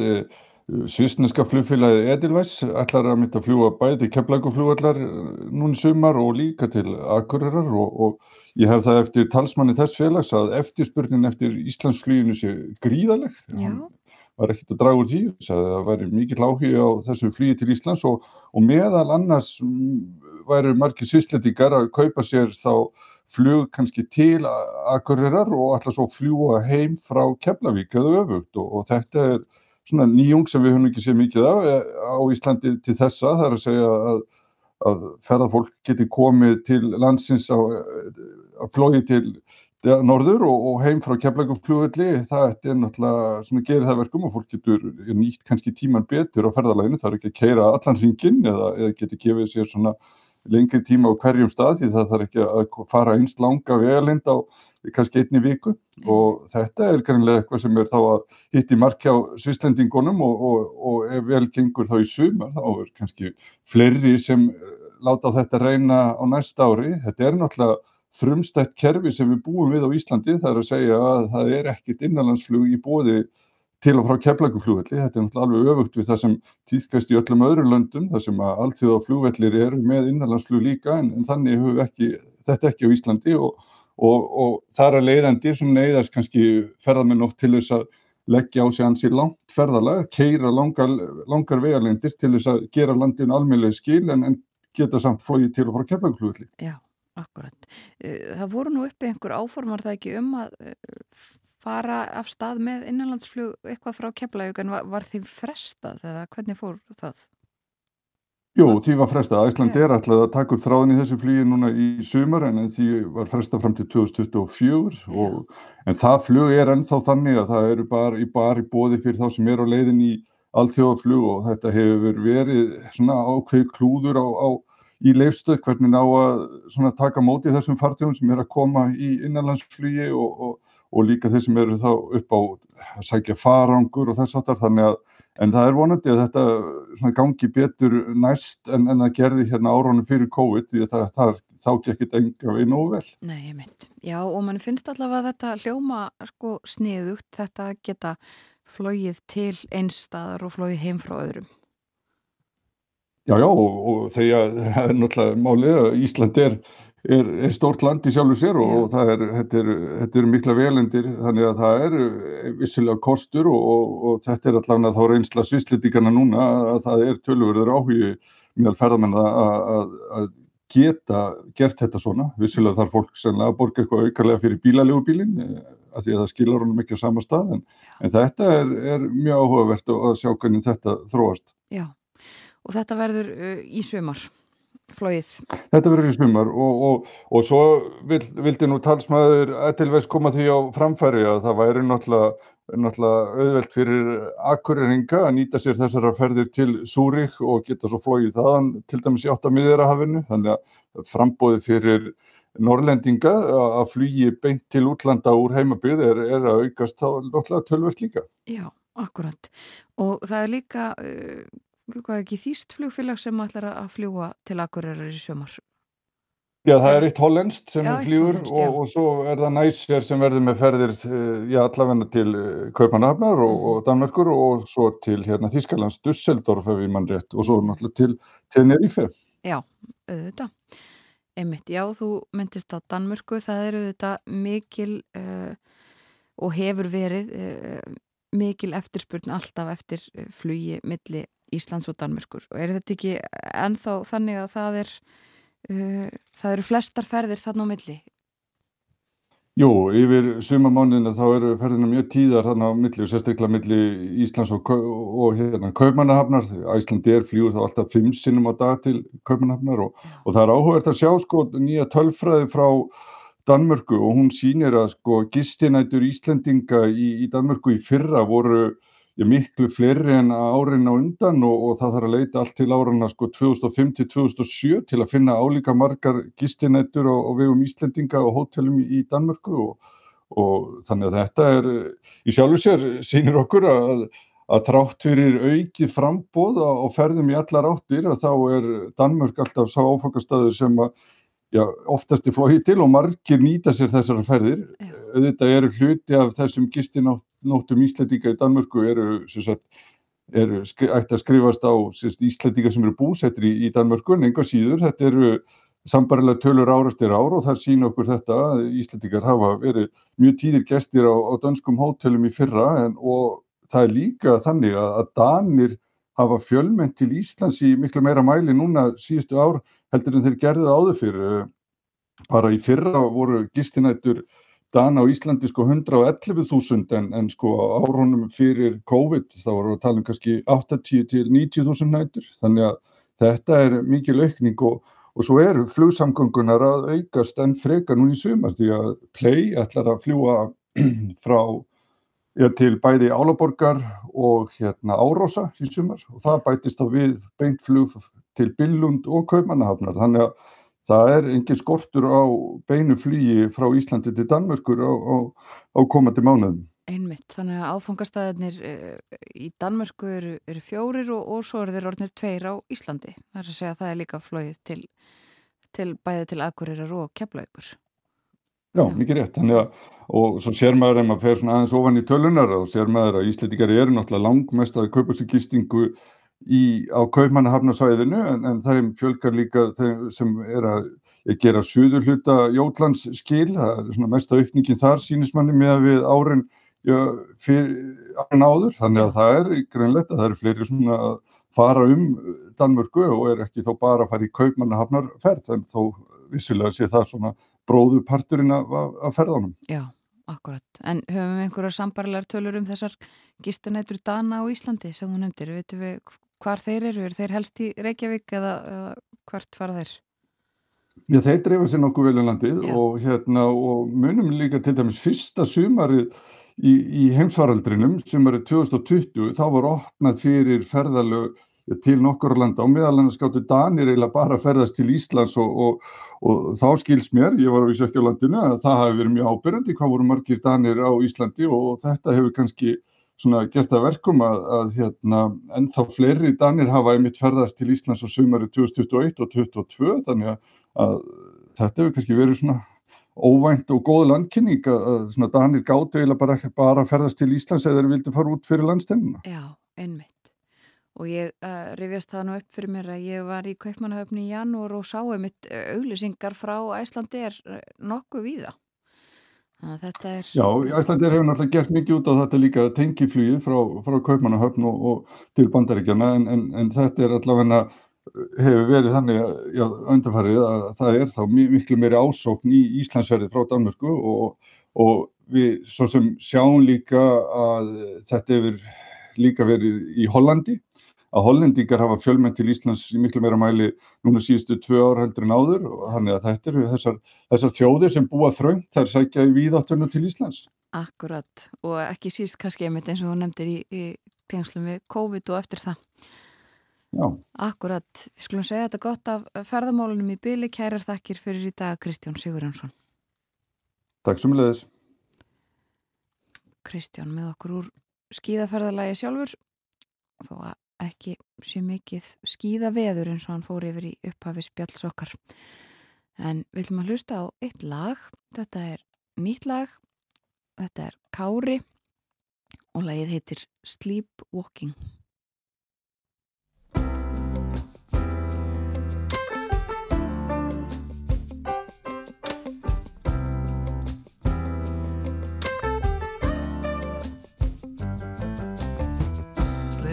getting through the day to day, Nothing on my mind, I was in decay. Every road was a cul-de-sac, couldn't find my way back. I could never do it on my own, and you came along and you put me right.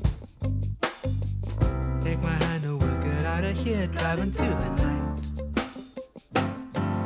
I was living in the haze, couldn't feel my face. Lost all track of time and space, felt like I was sleepwalking. Nothing can go wrong if you're here tonight. And if you plan on staying long, we can sit and watch the sunrise. Early on, I almost broke it off, went back to my cynical ways. Those days without the sight of you left me with malaise. Thoughts will never cross my mind. Promise that I won't make the same mistake. Same mistake. I swear that it's the honest truth, cause I know the stakes. Couldn't keep my head above the waterline. Lost all track of space and time. Felt like I was sleepwalking. Friends will come and go, there'll be highs and lows. In the end, I hope you know that I can never get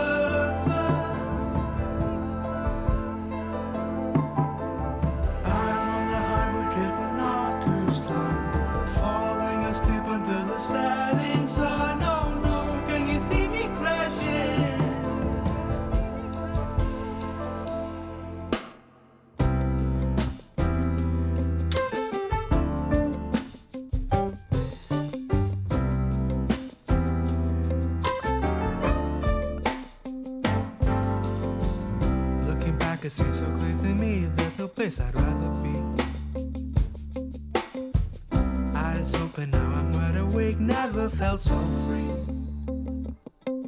I was living in the haze, couldn't feel my face. Lost all track of time and space, felt like I was sleepwalking. Couldn't keep my head above the waterline. Lost all track of space and time, felt like I was sleepwalking. I was living in the haze, couldn't feel my face. Lost all track of time and space, felt like I was sleepwalking. Some things may have changed, but our love remains. Hope will always feel the same, cause I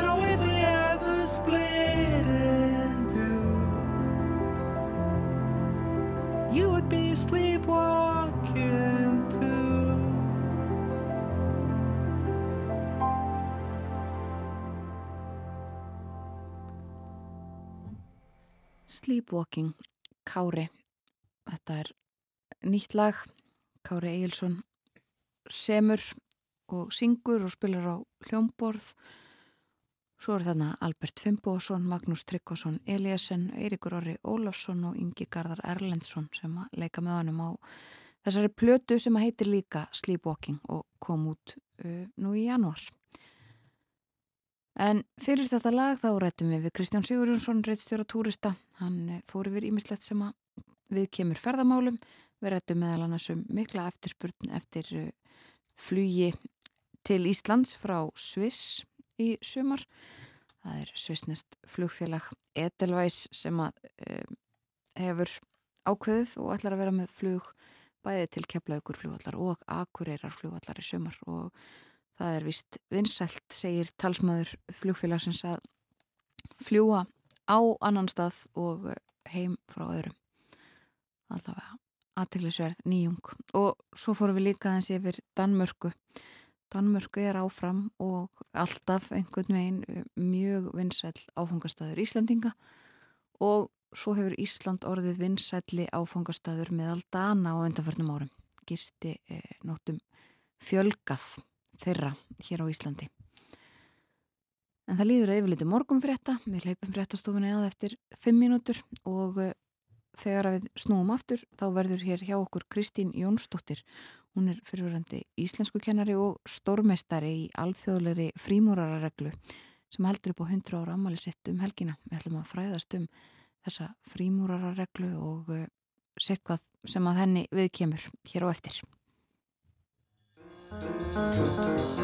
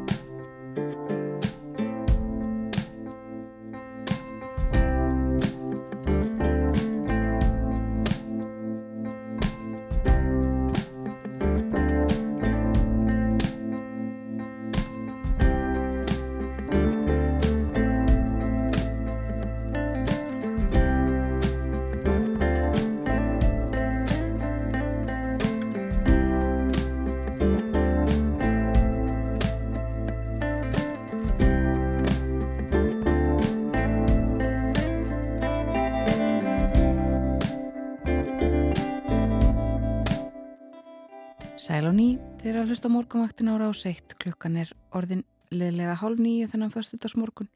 Það er þriðji mars í dag, þriðji þriðji og árið 2023. Við reviðum með mitt upp hér snemmaði morgun 20 ára og gammalt viðtal af uh, morgunvaktinni sem var þó annar, annar þáttur en þessi í öðru formi. Meðal annars var hann á báðum útásrásum Ríkisútasins en hann var þá uh, nýr eða hafði verið enduvakinn Óðun Jónsson var reittstjóri hans og fekk til sín í fyrsta þættinum í heimsók Davíð Ótsson sem þá var fórsættisáþra.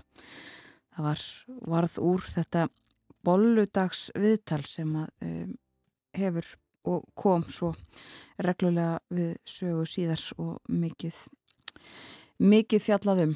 E, við leikum lítið brot úr viðtalinu snemma í morgun og reviðum þetta aðeins upp. En já, þriði mars í dag, förstu dagur og um helgina þá mun alþjóðleg frímúrararegla halda upp á 100 ára ámælsitt hér á Íslandi. Það eru raunar 102 ár liðin frá því að þessari reglu var komið á laginnar hér á Íslandi. En eins og með svo margt annað að þá hefur ekki verið hægt að halda upp á þessi tímamót fyrir nú.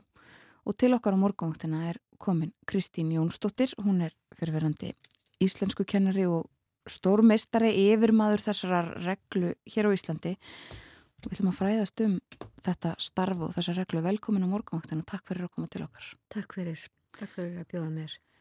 Við ætlum að byrja kannski bara á að byrja þau um að segja aðeins frá sko þetta er ekki, það er ekki bara ein frímúrarregla hér á Íslandi. Nei, það eru raunar tvær starfandi hér á landi. Það er okkar regla, alþjóðli frímúrarregla Karl og Kvenna og undirheiti hennar er Ludræjumenn sem þýðir mannréttindi eða einhvers konar mannrækt mm. og svo er það frímúrarreglan á Íslandi þar sem eru karlmenn, kristnir karlmenn en munun á þessum tveimur reglum kannski fælst ekki síst í því að í, í minni reglu eru bæði karlar og konur sem starfa saman á jafnbreytisgrundulli en í hinni eru sem sagt, eins og áður sæði Kristni Karlmenn. E, grunnurinn að minni reglu er sá að við höfum frelsi, jafnbretti og bræðralaga leiðaljósi og yfirlýst markmið er jafnbretti allra manna, karla og kvenna, óháð litarætti, trú og kynþætti. Já. Og eins og augljóst er náttúrulega þá er enn full ástæði til þess að berjast fyrir slíku Já. um allan heim og við sem trúðum því að það kemi aldrei aftur styrjöld eftir heimstyrjöldina síðari. Vitum náttúrulega að það er full ástæði til þess að leggja rægt við mannskilning og, og réttlætiskend og virðingu fyrir lífi. Mm. og það er svona aldrei rauðu þráður í okkar starfi.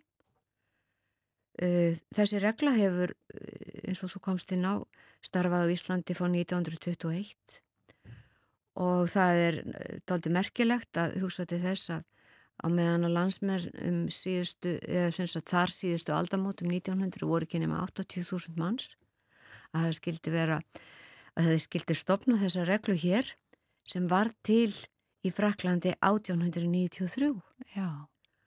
og hún barst til okkar hvað ég maður að segja eiginlega frá Norðurlöndum en að það, þar þanga hafðum borist frá Breitlandi Já. Nú, uh, þetta er ekki fyrsta skipti sem við höldum álþing. Við gerðum það 1994, þá höfum við alþjóðlegt málþing um umbröðalindi. Uh, 1998 höfum við málþing sem var um siðfræði og samvisku og núna er yfirskriftin samkend samviska og samfélag. Já. Mm. Og þetta er viðburður sem verður á, á morgun? Hann verður á morgun ja, á loftliðum og við erum með eh, Guðni T.H. Jóhannesson, fórsett Íslands, opnaðingið, Gunnar Hessveit heimsbyggingur og skáld er með erindi, Elin Jónasdóttir sálfræðingur, Sigurið Þorgisdóttir profesor og Njörður Pín Jarvik profesor emeritus. Já. Já. Og þetta, sko, þetta viðburður sem í rauninni er öllum opinn? Hann er öllum opinn en og svo verða pallbórsumræður og þetta Já. verður á Hotel Natura Já. en á eftir þá munum við fagna með hátilegum ammælisfundi. Já, sem er þá bara fyrir Það er bara fyrir innvíða. Já, fyrir innvíða, einmitt, af því að ég ætlaði ekkur að nefna það sko, af því að þetta er já opin viðburður en, en uh, allt annað starf í rauninni í þessum Já. og ég held að það sé nú sammeilegt með báðum þessum reglum er það, Það, ekki? er sameigilegt. það er allt saman í rauninni Já. lokað og, og mörgum sko, ég held að margir myndu segja bara leynilegt, það er ekki Já. margt sem að fólk endilega veit um Nei, það sem að þarna fyrir fram Því að það er, sko, frímúrarreglur eru ekki, leyni, ekki leynifélug og það eru til margs konar frímúrarreglur. Það eru líka til frímúrarregla sem er í einungis konur, til dæmis veit ég um tvær í Fraklandi.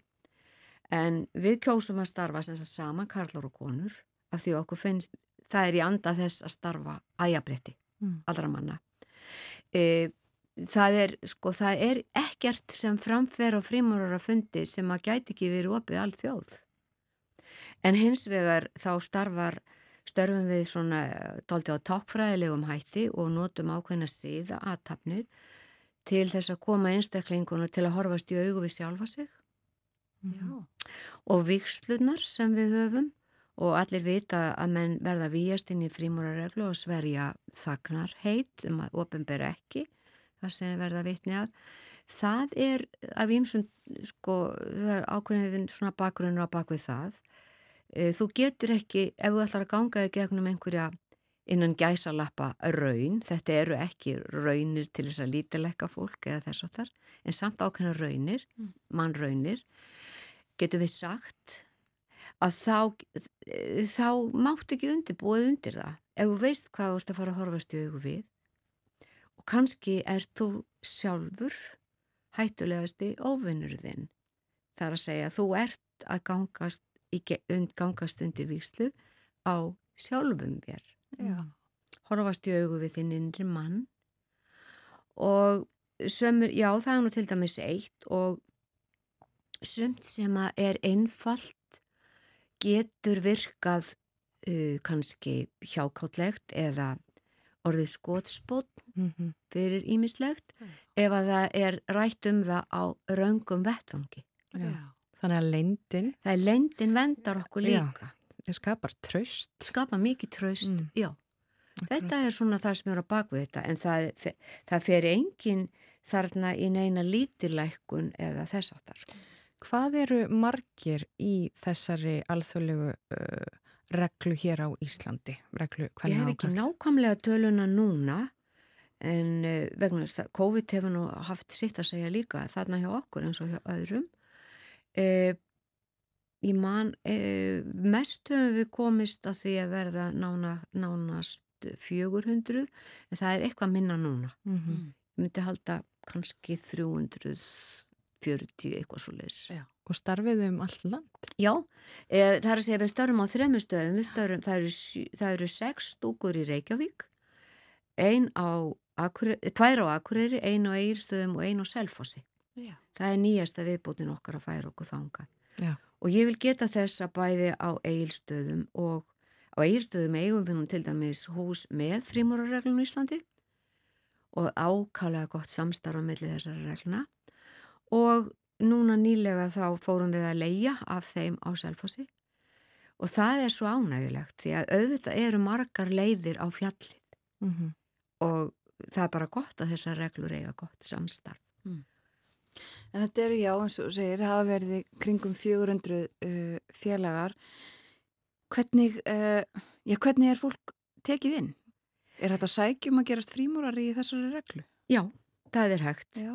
E, þú þarft að hafa tvo meðmælendur sem að mæla með þér inn og e, þú ert síðan ferðu í ákveðið svona ferli þér er gergur inn fyrir því sem hægt er að segja frá og rætt við þig um það hvort eh, svona, fólk, þeir sem ræða við umsækjandi þeir reyna að gera sig grein fyrir því hvort að reglan hendi viðkomandi eða ekki. Það má kannski segja ef einhver væri svona eh, teldi sér vita alla skapaða hluti og hefði lausn á öllum vandamálum tilverunar hann hefði ekkert að gera þarna því að hann, hann kannski hefði, tel, teldi sér ekki hafa neitt gott af því sem við værum að kenna Já. en allt miðar þetta að því að gera manneskjuna að betri manni Mm -hmm. og það er svo sem vita það flestir að menn taka, taka áframhaldandi vikslur í reglunni svona eftir því sem að ferli þeirra þar meðar fram og allar vikslunar bæta einhverju við þekkingum hans og, og reyna að byggja mann upp sem betri mannesku. Þetta er eins og ákveðin þrep. Þetta eru þrep, já. já. Og eru það ekki þannig í reglunum að það eru mismunandi mörg þrep? Uh, Jú, í, í minni reglu eru 33 þrep. Mm. Uh, það eru held ég ekki nema 10 eða 11 í frímurreglun og Íslandi í svo kvöldu sænska kerfi en þeir sem starfa eftir svo kvöldu uh, einsýnt en það skott accepted Scottish right uh, skotska seðkerfinu þar eru 33 þrepp mm. og það er, ég held að allar frímurreglur vinni annarkort eftir skotska mm. eða sænska Þú ert uh, fyrirverandi stórmeistari reglunar en það er nú einhver annar titil sem að, sem að er svona já, titillin. Já, hér á Íslandi sem sagt voldur stjórnandi heitir það, já. Já, hvað fælst í því ennbætti? Það fælst í því ennbætti, myndi ég segja, nummer eitt stjórnun, svona yfirstjórnun á starfinu á Íslandi. Það þýðir ekki það að ég segi, eða, eða sagði ég, en þetta nú ekki lengur, Magnús Nordal er það núna, að eiginlega svona samhæfa bara starfið í stúkunum. Og það eru tíu svo kallega bláa stúkur á Íslandi, það er grundvalla starfið mm. en svo er, hafa hærri stig ímsa aðra teitla yeah. en það er þannig sko að þegar maður hefur farið þessa vikslu leið þá er maður samt alltaf á fyrsta stígi því að það er þið einfalda og það sem lífi snýstum. Já, hvað tekur langan tíma að fara í gegnum, kannski personubundið, að fara í gegnum þessi þrep? Það er mjög misjánt. Já. Það er mjög misjánt. Ég get eiginlega ekki nefnt neina tölu. Stundum eru kannski sumir, sumir fara hraðar en aðrir af því að þeir kannski, kannski líka hæfileikar þeirra í því að geta unnið fyrir regluna á ákveðin hátt og uh, það má kannski segja að á hæstu stegunum þá ertu komin í reyna þjónustu í þáum málstæðarins mm -hmm. e, í upphafi fer maður svona er að slípa sjálfan sig meira. Það þýðir hins vegar ekki það að þeir sem hafi farið hafi hæstu stegi síu orðir ykkur reynir englar. Það verður engin engill af því að vera frímúrari. En hann ætti að vera ljóst að hverju hann ætti að keppa í þáu mannkinsins og um leið sjálfsinn náttúrulega líka. Ég las á vefsíðu ykkar það er ákveðin leita sannleikanum Já. og það er lærið sérstök aðferð til Já. þess og það er vantilega þessi þrep Já. og sannleikurinn. Það er mjög erfitt að finna hann og kannski finnst hann aldrei en sannleikurinn hlýtur að vera fyrir mér er hann annars vegar einra með sjálfum sér að vita hver maður er og hins vegar að hver er hins sönnu gildi lífsins og að hverju berðir að keppa Mm -hmm. ekki bara fyrir sjálfan en heldur fyrir samfélagi því að sko með siðrænu aðtöfnunum erum við að hugsa okkur að við séum að byggja svona, hvað við að segja, andlegt musteri sem við gerum öll samílega og við erum öll eins og lifandi steinar í því musteri en um leið ert að hugsa um allan heiminn Akkurat. og reglan er útbreytt um allan heim Mér langar aðeins að spyrja þig að eh, sko, stöðu kvenna innan reyfingarinnar Mhm. hérna eh, já, þið haldi núna upp á 100 ára afmæli og, og stopnendur reglunar voru bæði karlar og konur Já, já, já. hvernig hefur eh, st sagt staða hvenna verið, hafa verið jafnmargar eða, eða svipur hlutvöld, hvernig hefur þetta þróast? Sko eins og þú segir það voru stopnundu bæði karla hér á Íslandi bæði karlar og konur og það er líka aðtiklisvert að reglan er stopnuð hérna á Íslandi 12. mars 1921 en aðeins sex árum fyrr fengu konur fyrst kostningarétt Einmitt. 1915.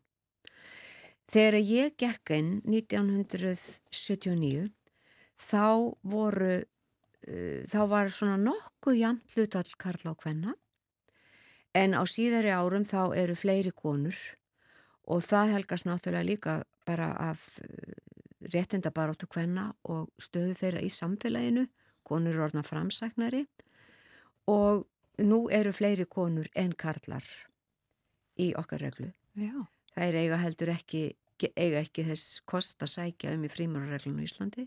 Nei, einmitt. Þannig að en margar eiga þær menn þar og þá auðvitað vilja þær eh, komast í samskonar félagskap Mm. og þetta er leiðin. Það eru kannski ekki margi sem vita að konur hafa verið þetta lengi frímúrarar Nei. á Íslandi. Já, það er nefnilega það. Og, við, það er líka merkilegt eins og ég var að segja í ljósi mannfjöld á Íslandi um, um 1900 að um 80.000 manns hér þá, sko að fyrsta konan sem vigðir inn í okkar reglu, eða þar að segja ekki inn í okkar reglu, heldur bara vigð inn í þá reglu sem að okkar regla sprettur út af í Fraklandi, að það er 1882. Hún var bladamaður og kvenreittindakona, Maria de Rem, en hún ásamt Sör Smartang sem var læknir í Fraklandi. Það eru þau sem stopna þessa reglu nákvæmlega í Fraklandi 1893 og hann náttúrulega sem læknir gerði sér mikla grein fyrir því hversu auðm staða hvenna var og konur voru réttinda lausar og það er kannski skýringin á því að, að sko frímúrarreglu sem í eru engangu karlar spretta upp. Mm -hmm. en svo verður þessi regla til 1893 Ja. og, og hann í, í sinni uppbyggingu fyrir reglunni lagði gífurlega áherslu á það að konur ættu jafnan framgang og karlar það er aðtilsvert Já.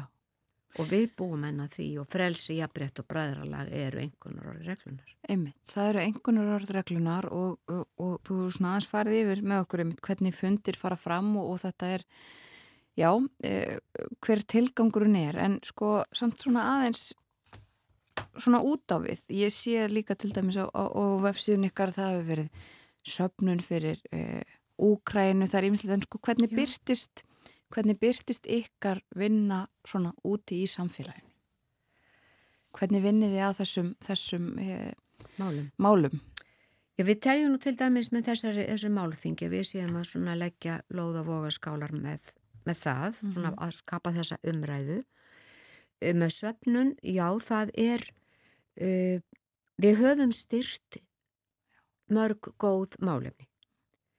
Mér er til dæmis afskaplega kært þegar við styrtum uh, fangahjálpina eða það er að segja fanga sem að voru nýsloppnir út eða voru svona í reynslulust og það var mér mjög, er mér minnistætt að fara í þá afhendingu. Og við höfum kvennakot uh, við núna fyrir jólinn styrti, styrtum við lítilega til dæmis Björgunasveit sem að var með var, með, var að þjálfa spórhunda til að leita fólki sem týnist svo eitthvað sem nefnt.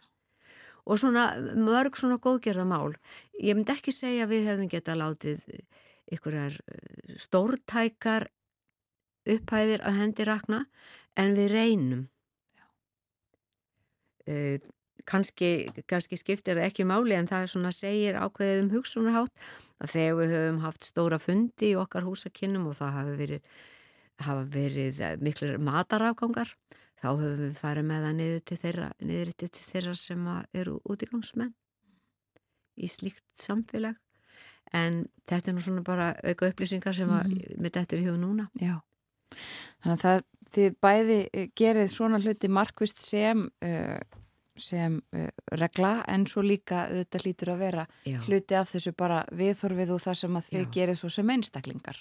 Já, og það er náttúrulega það sem allt snýst um, það er að verða einstaklingur sem hefur áhrif til góðs á sitt samfélag. Mhm. Það er kannski ekki dóðilega erfitt að vera góð manneskja inn á fundi það sem allir ætla sér að vera góðir. Það, er, það er mjög auðvelt og ljúft í raun og veru en aftur á móti það er, það reynir meira á út í samfélaginu að sína það og stundum kannski hafa kjark til þess að segja eitthvað eða gera eitthvað Mhm. sem að eh, kannski er í þessum anda en er ekki alveg sjálfsagt. Já. Það er líka, uh, og við töluðum um þetta í byrjun, sko, þessi svona um, leimt sem að fólki þykir uh, vera yfir um, þessum reglum og það er sérstaklega tekið fram sé ég til dæmis í ykkar uh, uh, efni á, á netinu að sko það er þessi ránghugmynd eins og það er orðað hér að þetta sé ekkit annað en hagsmunatengtur karlaklúpur þar sem áhrifamenn á ymsum sviðum tengist bræðraböndum til að hjálpa hver öðrum Já. til að skara eldað í einn köku. Er þetta uh, eitthvað sem að þið heyrið og, og fáið oft? Ég hef ekki heyrt, ég hef einu sinni heyrt þetta hér á Íslandi. Já. En ég hef ekki orðið vörð við þetta, en ég segi bara, ef það væri einhvers staðar, hvar sem það væri, þá væri það gjörsamlega tilgangi reglunum snúða haus. Já. Bara algjörlega. Ég man eftir einhverju í fréttum um eitthvað slíkt á Ítalíu sem hann töluðum. Ég hef ekki heyrt þetta um neitt hér. Nei. En ég vil líka geta þess að þjóðhöfingjar hafa ekki talið það fyrir neðan virðingu sína að gerast meðlimir. Svíakonungur, breytakonungur, þjóðhöfingjar á Íslandi Já. og uh, Vigdís, Vigdís Fimboðdóttir fyrir um fórseti liðvildisins og hún er innan okkar raða. Já. Mér er heiður að segja frá því Mm.